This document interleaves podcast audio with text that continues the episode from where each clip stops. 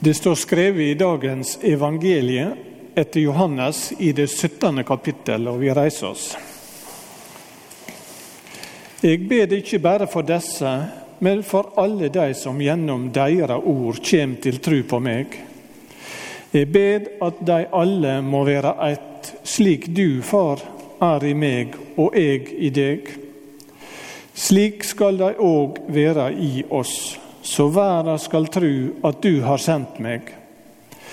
Den herligdomen som du har gjeve meg, har jeg gjeve deg, så de skal være ett slik som vi er ett, og i deg og du i meg, så de heilt og fylt kan være ett. Da skal verden skjøne at du har sendt meg, og at du har elska dem slik du har elska meg.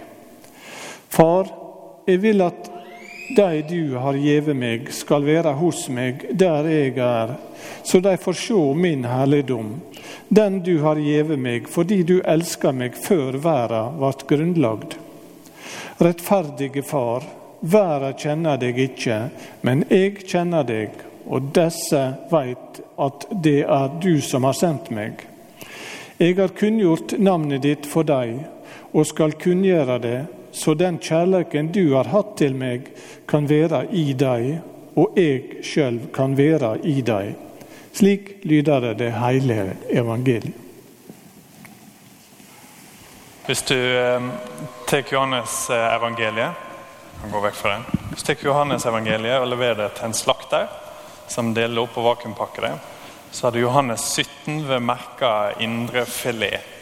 Eh, for her er det skikkelig det er kanskje det viktigste kapittelet på en måte i hele denne boka. Johannes evangeliet. Eh, for det er Jesus som snakker med Gud far. Jesus har en bønn, og så får på en måte en live kobling inn i deres relasjon. Hvordan, hvordan er det egentlig Jesus snakker med Gud? Og så har vi disse versene her, som egentlig er ganske ganske lette å like. Han har snakka om noe rett før som er litt upopulært. Han har akkurat snakka om hvor viktig det er med sannhet, eh, og at apostlene har en helt spesiell rolle i den sammenheng. Og Så går han videre nå til noe som også er ganske glad i, som er ganske populært. At han ber ikke kun for disse, for apostlene, men for alle de som gjennom deres ord kommer til å tro på meg. Jeg ber om at alle må være ett står det i teksten. Du har den bak på arket ditt. Jeg ber om at alle må være ett. Kjempepopulær tanke. Og noe som vi liker ganske godt i Norge. ikke sant? Kan ikke alle bare være enige? Så masse enklere ting er da. Hvis du slipper å diskutere hit og dit og alt det styret med hvem som er rett. Eh, kanskje bare være enige, og så ja, så kan vi ta ting videre derfra. Men hvis vi tenker på det mer enn fem sekunder, så er nå dette utrolig vanskelig. For det er ganske mange her som skal være ett. Så, så du hva Jesus eh, sa? Han har en veldig interessant måte å beskrive alle som tror på ham. Han sier jeg ber ikke bare for disse, men for alle de som gjennom deres ord kommer til å tro på meg. Så det er ikke kun personer i Norge i dag som tror at det kristne evangeliet er sant. Her er det snakk om personer 2000 år bak i tid. Her er det snakk om en økende grad av folk i Asia og i Afrika og i Sør- og Nord-Amerika.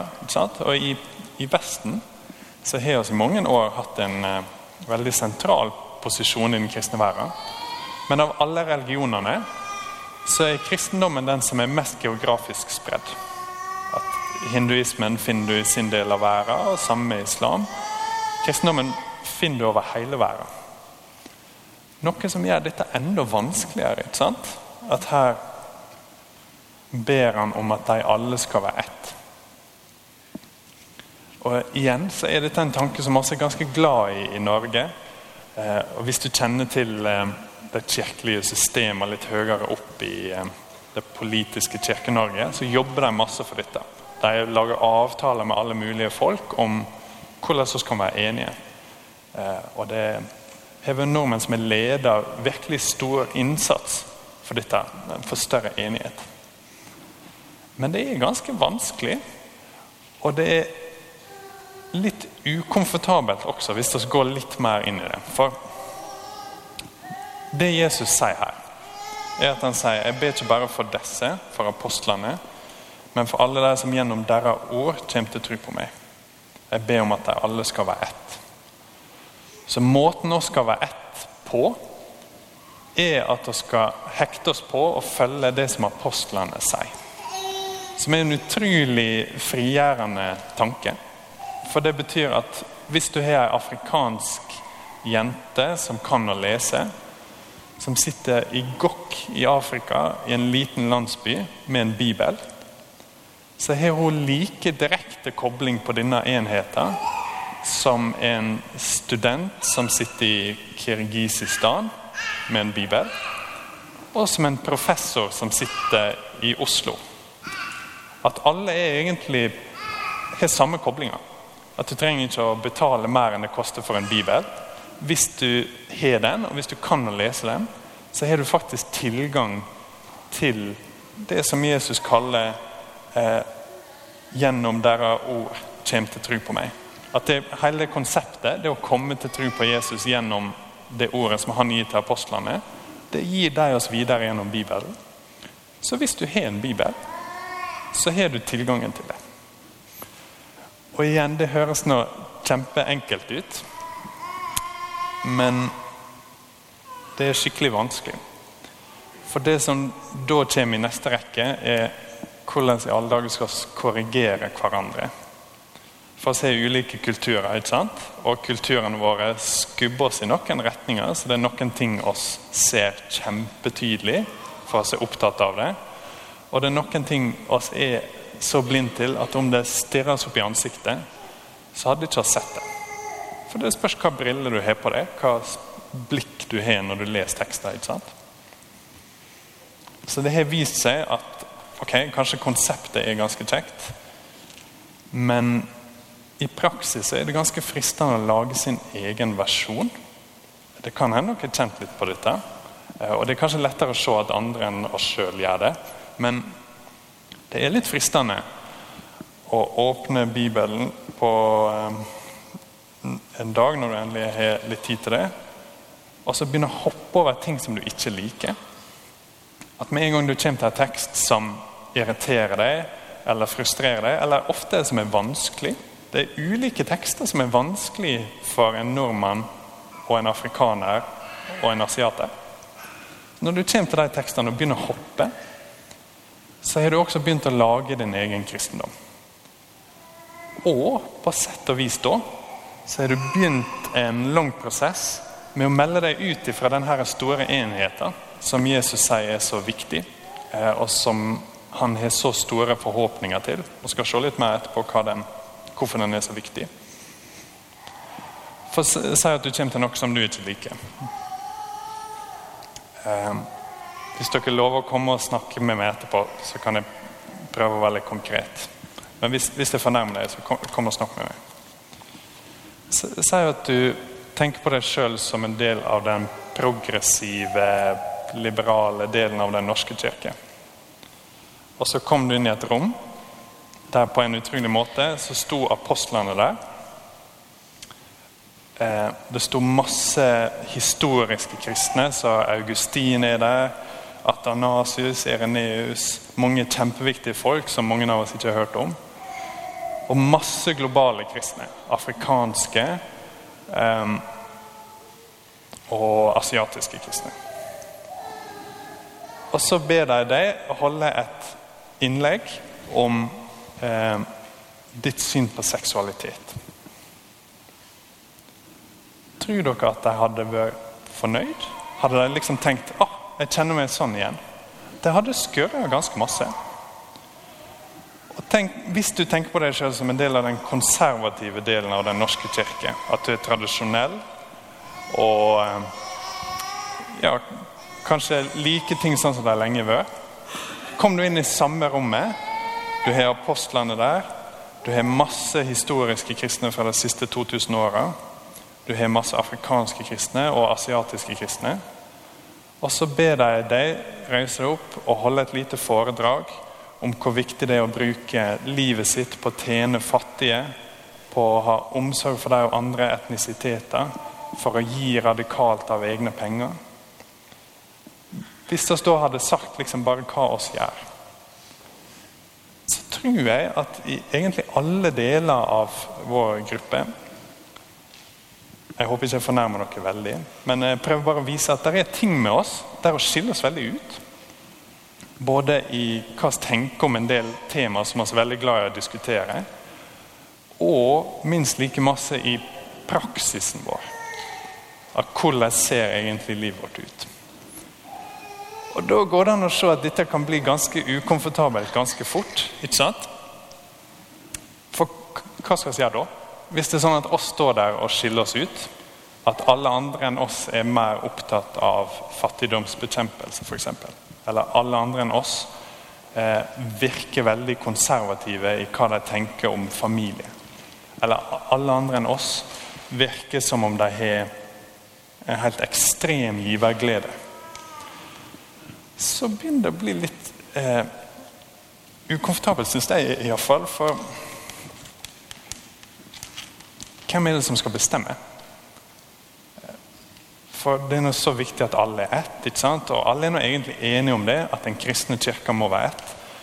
Eh, men hva er det skal være ett i, og hvem er det som skal bestemme?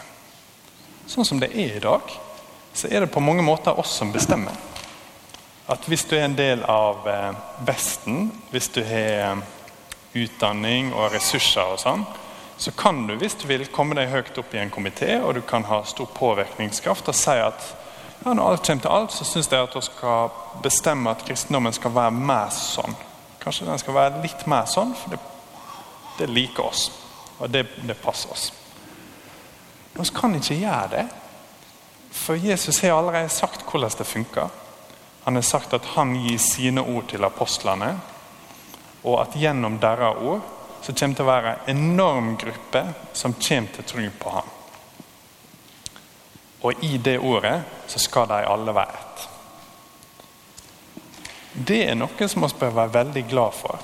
For Det betyr at denne afrikanske jenta med en bibel kan komme til oss uansett hva utdannelse vi har, uansett hva oss tjener, eller hvor mange år vi har hatt ei kirke i vårt land, og sier at du, når jeg leser Bibelen, så stusser jeg veldig over at du sier det du sa i stad, og at du lever sånn som du lever nå.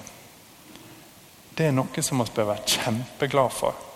At med dette systemet her, så bør vi forvente at de med makt blir litt ukomfortable. Og at de uten makt og uten status blir veldig oppløfta og gira.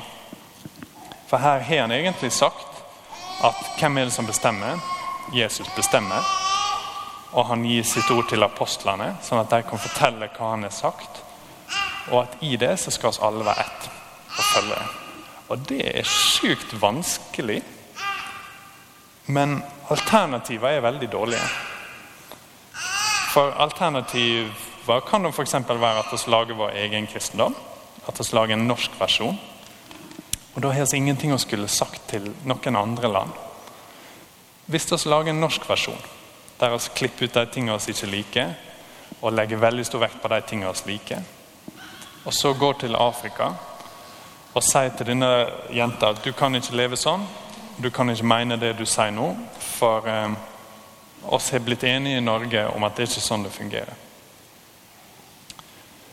Eh, da vil hun kanskje snu seg og si det er kjekt at du sier det, men dette har vi et ord for. Dette kalles imperialisme. Og det er kjekt nå om du går hjem igjen og leser Johannes 17. Og så er det egentlig veldig bra. Egentlig så har hun rett. ikke sant? Og egentlig så er hun også veldig glad for at det er sånn.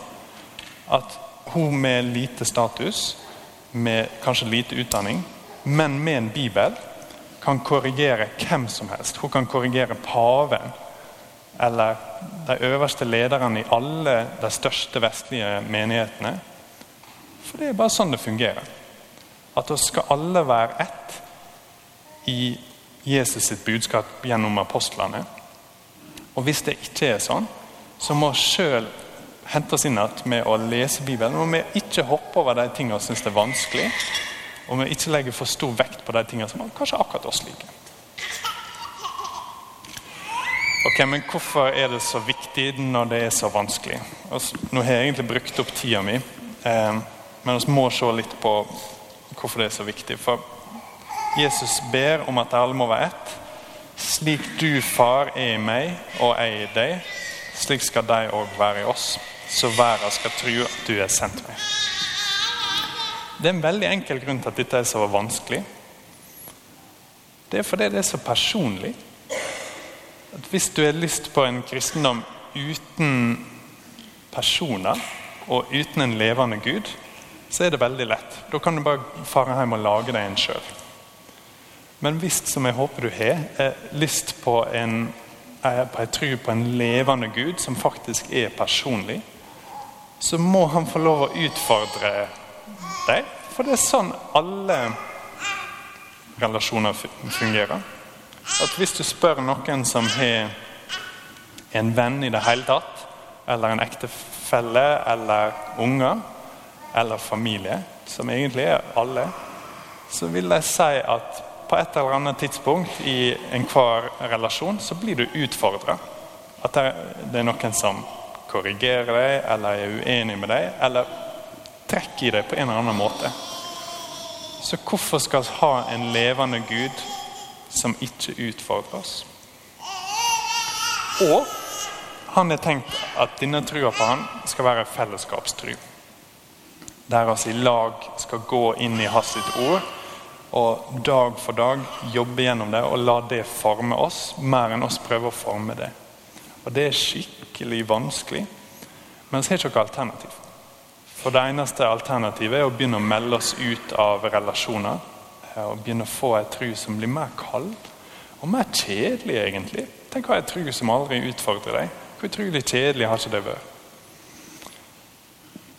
Nå har jeg brukt opp tida mi. Jesus sier at oss må være ett i den trua, det ordet som kommer fra apostlene. Og det kan oss være med alle kristne opp gjennom tida og i hele verden. Hvis vi lar oss sjøl bli utfordra, og hvis vi utfordrer dem at de også må være ett i denne trua. Vi ber litt. Gode Far, oss ber om at vi skal være ett i ditt ord og i trua på deg, og at vi skal ha den kjærligheten som oss las om til hverandre. Og den kjærligheten som du, far, har til sønnen din, og som du også har til oss. Utrolig nok. Og det takker oss det for i Jesu navn. Amen.